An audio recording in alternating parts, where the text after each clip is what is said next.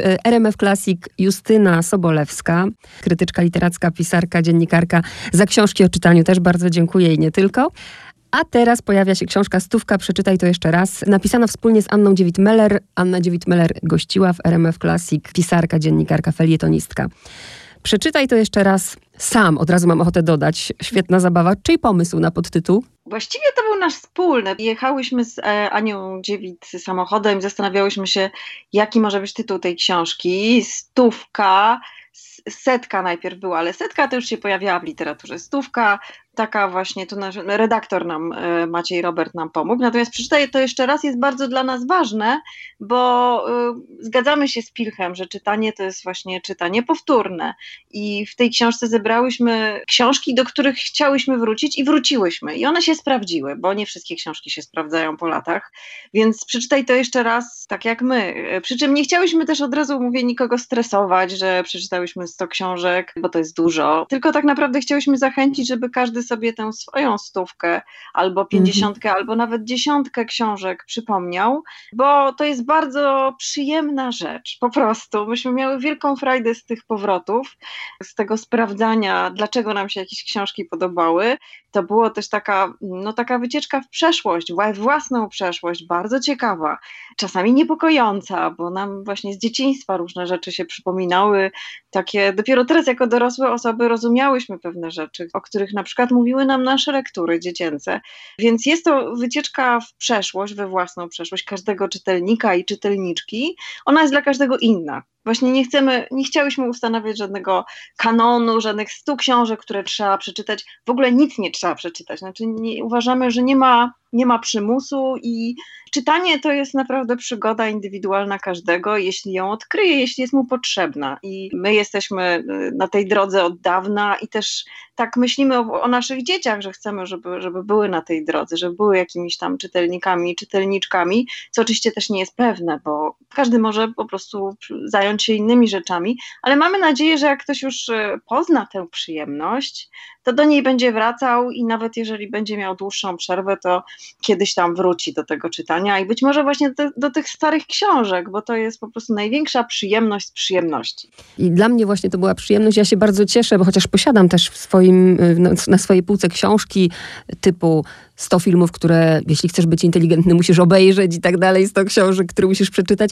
a to jest bardzo subiektywne i mogłam się właśnie skonfrontować, powiedzieć, a też tak miałam, a tak nie miałam. I teraz Pytanie jest takie, bo musiałyście panie zdecydować się, no nie sądzę, że to było tak, że usiadłyście i było tak, y, ja biorę to, ty bierzesz to. Czy zdarzyło się tak, na przykład taki mistrz i wezmę, bo podejrzewam, to felieton był po pani stronie, ale ja od razu właśnie zadałam sobie pytanie, gdybym była Anną Dziewit-Meller, to bym chciała to wydrzeć, nie? Bo podejrzewam, że to dla jej pokolenia też było ważne. Był jakiś spór o jakąś książkę, czy nie? No właśnie nie. Zaskakujące, żeśmy się nie kłóciły. To było tak, że my jesteśmy troszkę z, z innych pokoleń. Dzieli nas 10 lat i miałyśmy jednak inne te lektury nasze, takie, takie, o których koniecznie chciałyśmy napisać. Ale było tak, na przykład Ania mówi, ja piszę Virginia Woolf. Ja pomyślałam sobie, no hmm, trochę szkoda, ale fajnie, mamy, mamy w książce Virginia Woolf.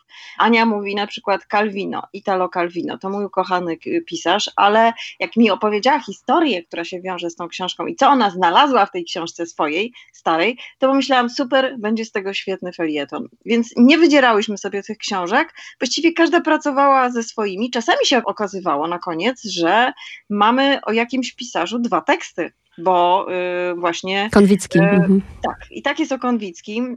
Po prostu y, pisałyśmy, ja pisałam Konwickiego, chyba była taka wstępna lista i by, byłyśmy trochę podzielone, ale później ona się cały czas ewoluowała i my do końca nie wiedziałyśmy, bo na przykład coś nam przyszło do głowy, wydawało nam się, że już żeśmy to konsultowały, ale nie. I okazało się, że Ania napisała Konwickim i ja też, i jeszcze się bardziej ucieszyłyśmy wtedy, bo to jest spojrzenie na jednego pisarza z dwóch stron, od strony różnych książek, pokazujące też, że był dla nas ważny. Tak samo było z Astrid Lindgren, i to też jest taki przykład, że Ania pisała o dzieciach z Bullerbyn, a ja pisałam o Mio, mój Mio i baraciach Lwie Serce i o tej ciemnej stronie dzieciństwa I byłyśmy bardzo zadowolone, że mamy właśnie tę Astrid Lindgren tak ważną dla nas, od różnych stron opisane, bo y, decydujące, żeby powstał ten tekst, była też jakaś właśnie historia, bo to są, my nie piszemy tylko o książkach, my piszemy, mhm. piszemy o życiu, piszemy o właśnie o własnym życiu, ale też o innych książkach przy okazji tych książek i do powstania każdej, z każdego z tych tekstów o jakiejś książce potrzebna była historia z przeszłości, albo właśnie coś, co zahaczało się w naszej pamięci w związku z tą książką, bo to nie jest tak, że wszystkie książki z nami zostają mhm. z dzieciństwa część książek podoba nam się, na przykład, nie wiem, no ja czytałam Siesicką, mhm. ale czy bym potrafiła coś napisać o Siesickiej? Właśnie nie bardzo. Tak jakby nie mam z nią w przeszłości, w mojej głowie, w myśleniu o dzieciństwie i dorastaniu, nie mam tej historii. A z Orzogowską mam mnóstwo, bo ona jakoś strasznie ze mną rezonowała i była odbiciem jakichś moich pragnień i, i pewnych, no właśnie tego, co było dla mnie ważne w dzieciństwie, więc tu nie tylko jakość, czy nie tylko, że właśnie, że coś było fajne, tylko jeszcze ta historia, żeby mógł powstać e, felieton. A wiadomo, felieton to jest taki gatunek, że można tam wszystko włożyć osobiście powiedzieć, co się myśli, więc y, to jest taki wór. Mhm. Ale właśnie stówka z jednej strony wydaje się dużo, a z drugiej tak ja się zastanawiam, gdybym miała teraz usiąść i wybrać te, te książki z dzieciństwa, to naprawdę bym miała duży problem, więc jakim kluczem szła pani w swojej głowie? Czy to było tak, że najpierw wypisała pani, później wykreślała to, nie, jednak ta nie, ta nie? Tak, no najpierw jakaś była lista wstępna. To, to było też tak, że ja część moich książek z dzieciństwa sprawdzałam z moimi synami i już wcześniej jakby zaczęłam ten ruch, czyli wyciąg wyciągnęłam z piwnicy od rodziców karton swoich starych książek. Tam właśnie część, część zniknęła, część była, część była bez okładek. To było zabawne, że dopiero w naszej książce zobaczyłam, jaka była okładka książki Chłopak czy dziewczyna, czyli Heta na 14 fajerek. Ja tę książkę znam, ale bez okładek, więc nie miałam pojęcia w ogóle, jak ona wyglądała w, w rzeczywistości. Więc wyciągnęłam z te książki moje stare z pudła i zaczęłam z nimi czytać i to już było kilka lat temu. Sprawdzałam no właśnie Astrid Lindgren. Chciałam sprawdzić na przykład, dlaczego ja się, czego ja się bałam, kiedy czytałam Mio, mój Mio. I dopiero czytając z moim synem, jakby zobaczyłam o co chodziło. Zobaczyłam ten, ten sposób Astrid Lindgren oswajania lęków dziecka i pisania o śmierci na przykład.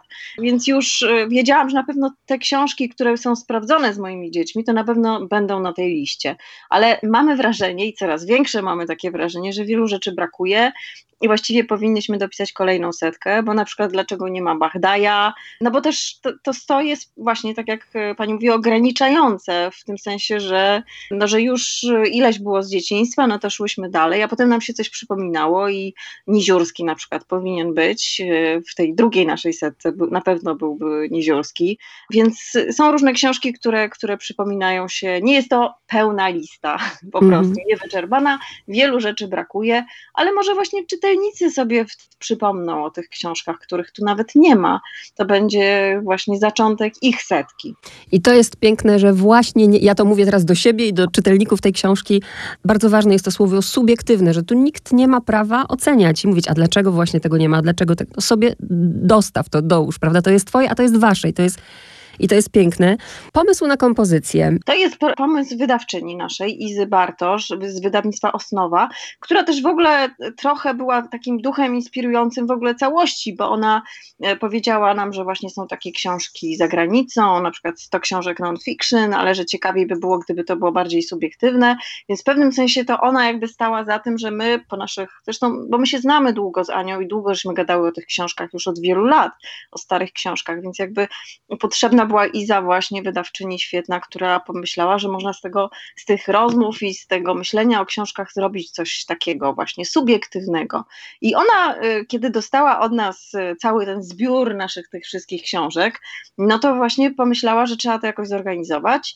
No i wtedy nastąpił moment, kiedy młodsza córka Ani Dziewit, Basia, siedziała z nami na dywanie i przekładała do kubek. Jedna kubka była właśnie dzieciństwo, szkoła, studia i dorosłość. I tak rozkładały się na te cztery cztery stosiki ona w tym miała czynny udział i tak wyglądał podział kompozycyjny tej książki, ale on jest bardzo naturalny, bo, no bo właśnie tak jest, że pewne książki należą do dzieciństwa i to jest taki pewien też rodzaj czytania, ten pierwszy, taki właśnie intensywny, często wchodzenia tak gwałtownie w książkę, zapominania o świecie. Potem jest szkoła, która, to są nasze inne historie, bo Ania ma historię taką, że szkoła jej nie zabiła czytania i raczej rozwijała, miała taki dobry, dobry etap szkolny licealny, super po prostu pokochała Słowackiego.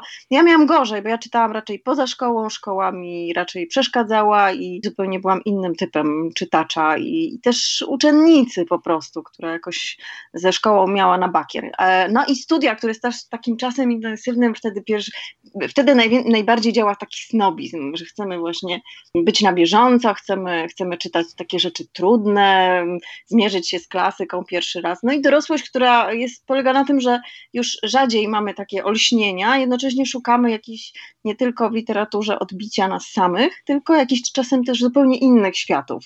I w dorosłości obydwie miałyśmy takie właśnie zachwyty, że, że ktoś pisze tak, a myśmy o tym w ogóle nie wiedziały, że jest w ogóle jakieś takie zjawisko, nie wiem, na przykład y, Bolanio, czy Georges Perek, czy najrozmaitsze właśnie światy odrębne, przy których dorosły człowiek się zastanawia, no ale właściwie dlaczego ja w ogóle nie słyszałem o tym pisarzu, nie znałem tego, to jest takie dziwne, takie inne, nikt inny tak nie pisze, więc to są jakby takie cztery etapy wydaje mi się naturalne w, właśnie w rozwoju czytelnika. Choć oczywiście każda droga czytelnika i czytelniczki jest inna i niektórzy na przykład piszą, że nie mieli tych dziecięcych lektur, że doszli do książek tak naprawdę później i to też jest ciekawa droga. Myślę, że można tę kolejność odwrócić. Ja myślę, że też w zależności od pokolenia właśnie, w jakim się wychowywałyśmy. Ja się wychowałam naprawdę w bibliotece, w małej wiejskiej bibliotece i pamiętam jak wypożyczałam właśnie tę samą książkę, zastanawiam się po co ja to w ogóle robiłam, bo ja wypożyczałam na przykład pięć książek, za dwie godziny je przenosiłam, wypożyczałam kolejnych pięć i tak i później wypożyczałam znów tych samych pięć książek i w dzieciństwie rzeczywiście czytałam te same książki wielokrotnie. Teraz tak nie mam. I tak. przeczytaj to jeszcze raz. Ja się zastanawiam, bo obie też dużo czytamy i ja mam taki lęk, to się chyba nawet jakoś chorobowo nazywa, że lęk przed tym, że wszystkiego nie zdążę przeczytać. Nie było takiego uczucia właśnie, że tyle jest nowych książek, nie ma czasu na, na, na czytanie, czy naprawdę chcę chce się wracać do tego, czy dlatego, tak jak pani mówiła, miała pani synów i była okazja? Y, tak, oczywiście obydwie z Anią jesteśmy w środku tego wielkiego po prostu tsunami y, książek nowych i to jest taka narastająca fala, która nie ma końca i właściwie ciągle są nowości, nowości, trzeba gonić za nowościami, ale ja myślę, że im jestem starsza też i tutaj usłyszałam zdanie takiego właśnie bibliofila Alberto Mangela, który powiedział kiedyś w Krakowie, było spotkanie z nim, on jest autorem książki, która się nazywa Historia czytania. I on mówi, że im jest starszy, tym bardziej chce się spotykać tak jak z ludźmi, ze starymi przyjaciółmi, ze sprawdzonymi przyjaciółmi, że z książkami działa to tak samo i w ogóle, że oceanu nie da się wypić, nie da się całego po prostu poznać, więc trzeba sobie odpuścić. I bardzo mi się to spodobało, już jestem trochę na tym etapie właśnie, mm. że większą przyjemność sprawia mi ten powrót i on naprawdę jest przyjemnością właśnie. Myśmy tę pisa książkę pisały w czasie pandemii, więc też po to poszukiwanie jakiegoś bezpieczeństwa i takiego, takiej przystani, też takiego właśnie sprawdzonej przyjemności było naturalne w tym czasie. Myślę, że wielu ludzi czytających wracało wtedy do rozmaitej klasyki, nie tylko do dżumy, chociaż dżuma Mhm. Wtedy czytana oczywiście miała znaczenie i to było ważne, ale że klasyka bardzo dobrze się sprawdza w takich momentach niepewności i naprawdę wystarczy sięgnąć na półkę, znaleźć właśnie stary tom jakiś albo gdzieś ukryty, człowiek nie pamięta, że to ma w ogóle, a to jest na półce i, i zamiast zawsze się wychylać w przyszłość, to my spojrzałyśmy wstecz. Też chciałyśmy oddać hołd właśnie autorom książek młodzieżowych z PRL-u, bo to była świetna literatura. Tak ilustratorom, tłumaczom, dzięki którym mamy tę literaturę i dzięki którym mogłyśmy się zachwycać. Więc wydaje mi się, że warto w tym w dzisiejszych czasach, kiedy patrzymy ciągle w przyszłość i właśnie nie nadążamy, odpuścić i spojrzeć wstecz i wtedy można spotkać tych prawdziwych przyjaciół. Ja miałam taką wielką frajdę z czytaniem Czarzyjskiej Góry po kawałeczku i po prostu się otulałam tą książką jak kocem na, w czasie wyrandowania właśnie, jak Hans Castor leżał na werandzie i miałam tego właśnie taką jakąś niezwykle zmysłową przyjemność, więc wydaje mi się, że, że takie powroty są możliwe i są, i są bardzo, bardzo przyjemne. Czarodziejska Góra to była druga po Mistrzu i Małgorzacie, gdzie pomyślałabym, też bym się no, kłóciła, że też ją chcę wziąć. E, też myślę, że nie bez przyczyny właśnie jest na końcu tej książki. Pani wspomniała dzisiaj o Siesickiej. Ja pamiętam jeszcze przed nastoletnim życiem, czyli jak miałam, nie wiem, 8, 9, 10 lat, ja zaczytywałam się w Siesickiej i w Musierowicz. I nigdy, naprawdę nigdy nie wróciłam do tych książek, bo się boję. No właśnie, to jest ten strach. Ja y, właściwie mam pewien wyrzut sumienia wobec robić, bo ona tak bardzo była dla mnie ważna, że właściwie powinnam do niej wrócić. Ale Ania wróciła, ona to zrobiła. I to nie był dobry powrót, bo okazało się, że owszem, to jest bardzo dobrze napisane, ale że cała ta wizja rodziny, że, no, że pewne rzeczy jakby należą do pewnego czasu i że już dzisiaj Ania mówiła, że jest zupełnie w innym świecie i trochę ją drażniło te role przypisane, właśnie, że centrum rodziny jest tata Borejko i tyle, a dziewczynki muszą, muszą spotkać swojego księcia i że, że właściwie, e, że ona na przykład nie chciałaby czytać teraz ze swoją córką, bo no bo właśnie nie wiem, czy ta córka by, by, znalazła się w tym świecie, tak jak myśmy się znalazły. Ja w latach 80., wtedy ta książka, y, książki, cała Jerzycjada była niesłychanie ważna, bo mam wrażenie, że budowała wspólnotę. Myśmy wtedy, to był czas jakby tych podziałów wielkich i, i takiej braku wspólnoty międzyludzkiej, a Musierowicz wysyłała ESD, eksperymentalny sygnał dobra i można było po prostu się ogrzać w tym, tak jak te jej bohaterki w różnych, w tym właśnie domu Borejków. No ale właśnie, chociaż ESD dzisiaj też by się przydało i wspólnota też by się przydała, ale właśnie nie wiem, czy ten świat jest już, czy on przetrwał po prostu te lata. Ja myślę, że na tyle mnie to dręczy, że ja sprawdzę, ale Ania, Ania sprawdziła i, i, no i nie zamieściła tej mhm. w naszej książce. Już e, zresztą o tym pani wspomniała, że szkoła nie przyczyniła się za bardzo do rozwoju czytelnictwa, ale nawet tutaj też, jak pisząc o Mistrzu i Małgorzacie, wspomina pani, że jakby ta, mm, to zrozumienie i ta miłość dla tej książki narodziła się później.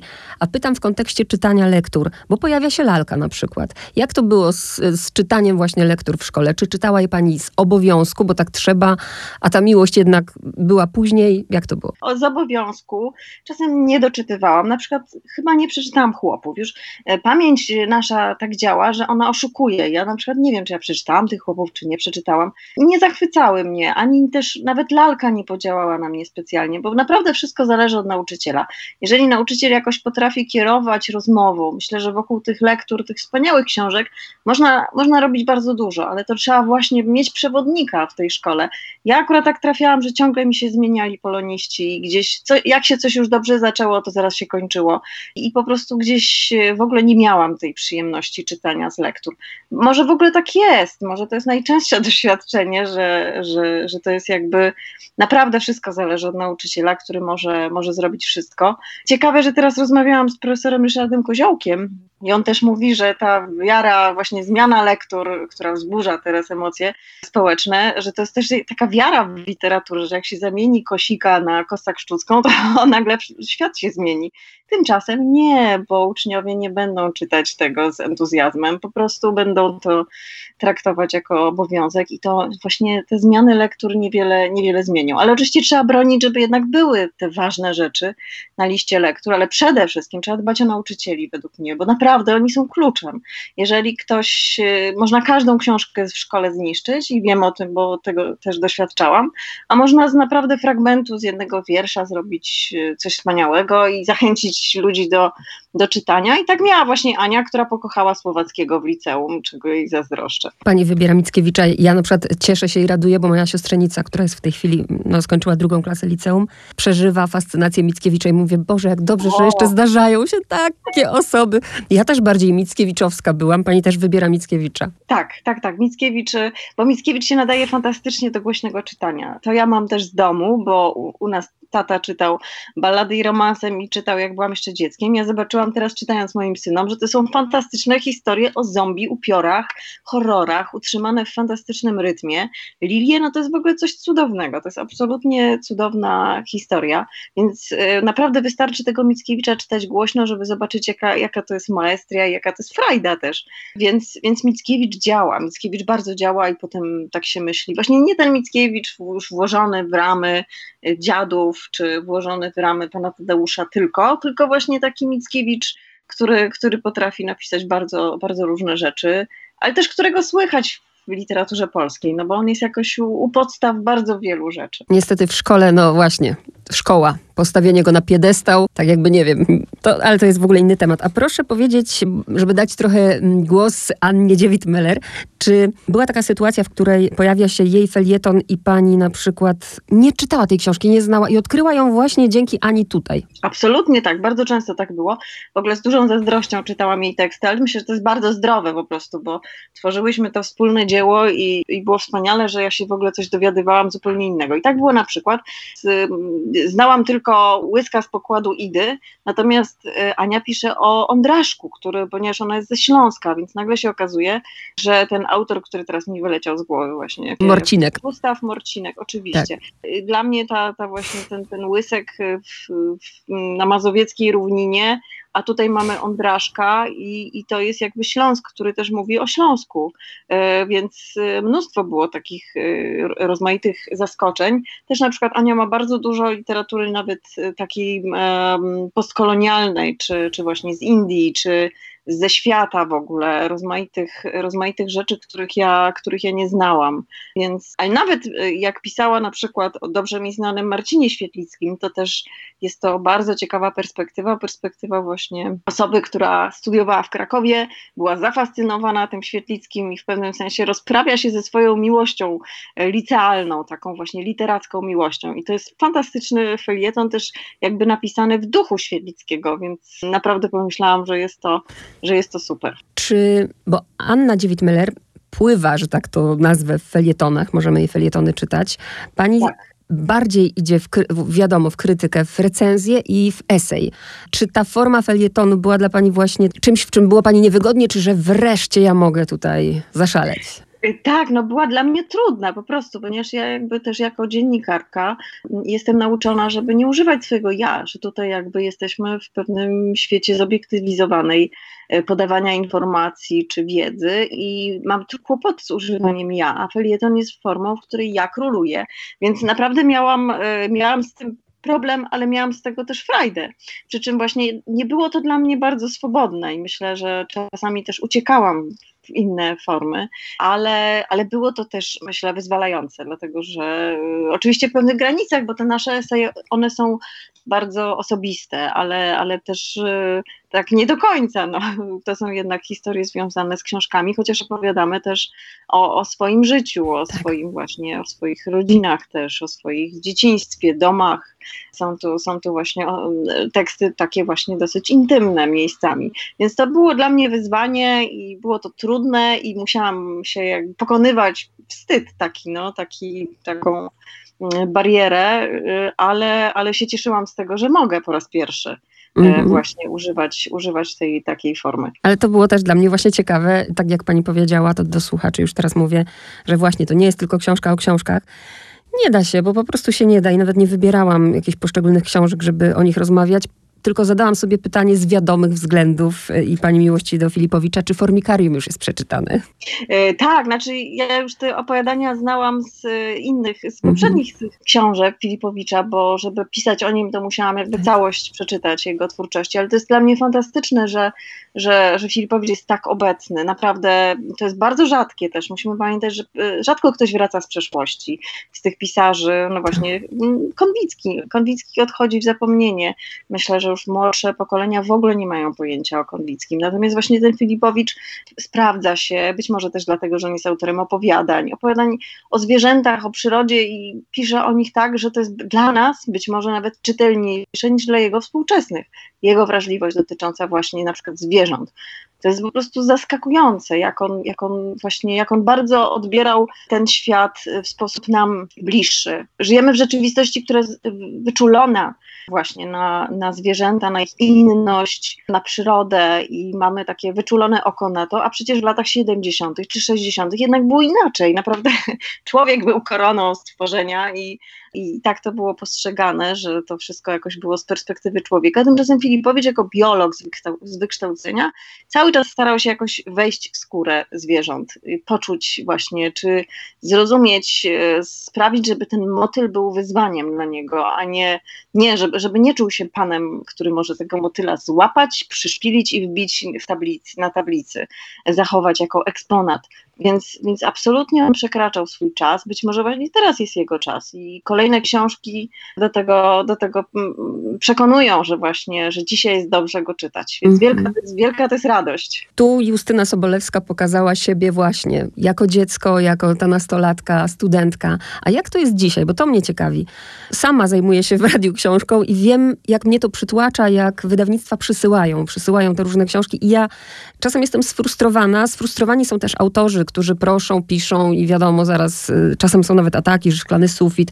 Jak pani wybiera te książki już zawodowo? No przychodzi, nie wiem, 20 książek. Czym się pani kieruje? No właśnie tym jakimś swoim nosem i swoją chęcią. Ja już naprawdę tak długo to robię, że, że chciałabym więcej być, więcej się nie rozczarowywać i więcej znajdować rzeczy, które będą mnie właśnie ciekawić. Więc jak przychodzi stos, to zwykle wybieram to, co, to, co liczę, że, że dla mnie po prostu będzie ciekawe.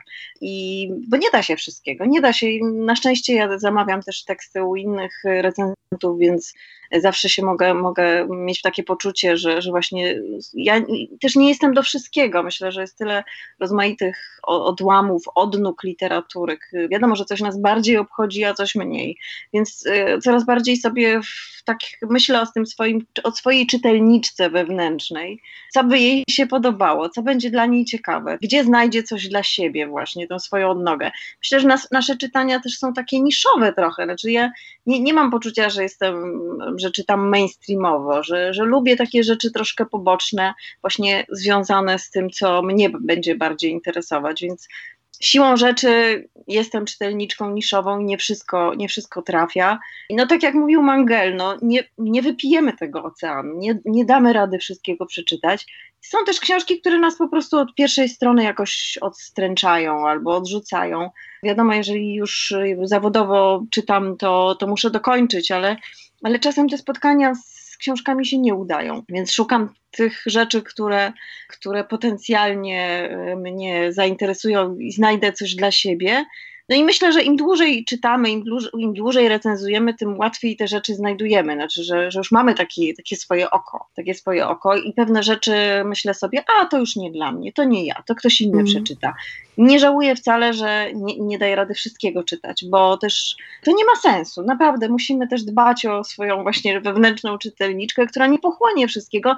Nie chodzi o ilość. Ja na przykład nie lubię tych wyzwań 52 książki ro, rocznie, mm -hmm. bo to w ogóle nie jest żaden sport. Naprawdę nie musimy czytać tak strasznie dużo. Wybierajmy sobie właśnie, szukajmy tego, co, co nas jakoś, z czym się możemy spotkać. Ja jeszcze mam coś takiego, ja nie jestem krytyczką, jestem, ja zawsze mówię, że jestem promotorką i też taka chęć, może, może dlatego, że jeszcze krótko w tym pracuję, bo późno zaczęłam, taka chęć zadowolenia, prawda, wszystkich, żeby ludzie się dowiedzieli o tym, że jest to i to, bo każdy wybierze. No i później z tego właśnie takiego, z takiej chęci zaspokojenia sfrustrowana jestem głównie ja. Tak, tak, tak. To sfrustrowanie rzeczywiście jest jakimś etapem, ale myślę, że do niego można ten etap przekroczyć, myśląc właśnie o tym, że nie jest się od wszystkiego i nie wszystko jest dla nas, a my możemy sobie po prostu wybierać. A jeszcze pytania dwa, naprawdę obiecuję ostatnie, bo jako dziecko to zdecydowanie książka była dla mnie bardzo ważna, jeśli chodzi o okładkę, dlatego dziękuję tu za zdjęcia, za ilustracje, bo to też są wspomnienia.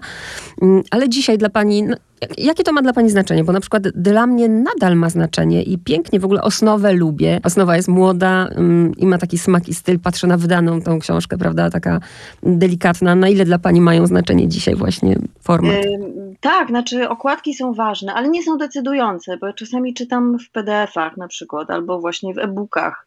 Wtedy jakby nie mamy kontaktu z tą szatą graficzną, ale wydaje mi się, że jeśli chodzi o grafikę i całą właśnie stronę graficzną, książek, to jest coraz ciekawiej w Polsce, coraz lepiej. Obserwuję to więcej od 10 lat po prostu. Taki naprawdę rozwój i to, że wydawnictwa dbają o to. I nowe wydawnictwa, na przykład mam tutaj przed sobą książkę wydawnictwa Filtry, które powstało, no rok, rok to chyba ma, nawet niecały i oni bardzo dbają o szatę graficzną. Każda książka to jest, to jest właśnie ta jeszcze przygoda z okładką, przygoda z, właśnie z tym, jak to, jak to zostało wymyślone y, i to jest bardzo dobre to, to ma znaczenie i to jest jakby jak najlepszy trend właśnie, żeby nie odpuszczać tych, tych okładek i nie, nie iść w takie sztance, bo wiadomo, że to wiedzą ci, którzy znają słupki sprzedaży, że pewne rzeczy gatunkowe sprzedają się właśnie dlatego, że mają pewne okładki, które się ludziom kojarzą, że kryminał musi mieć pewną okładkę, powieść erotyczna ostatnio, bo akurat to sprawdzałam, musi mieć mężczyznę w garniturze najlepiej rozchylonym. Dlaczego? No, no właśnie to tak działa.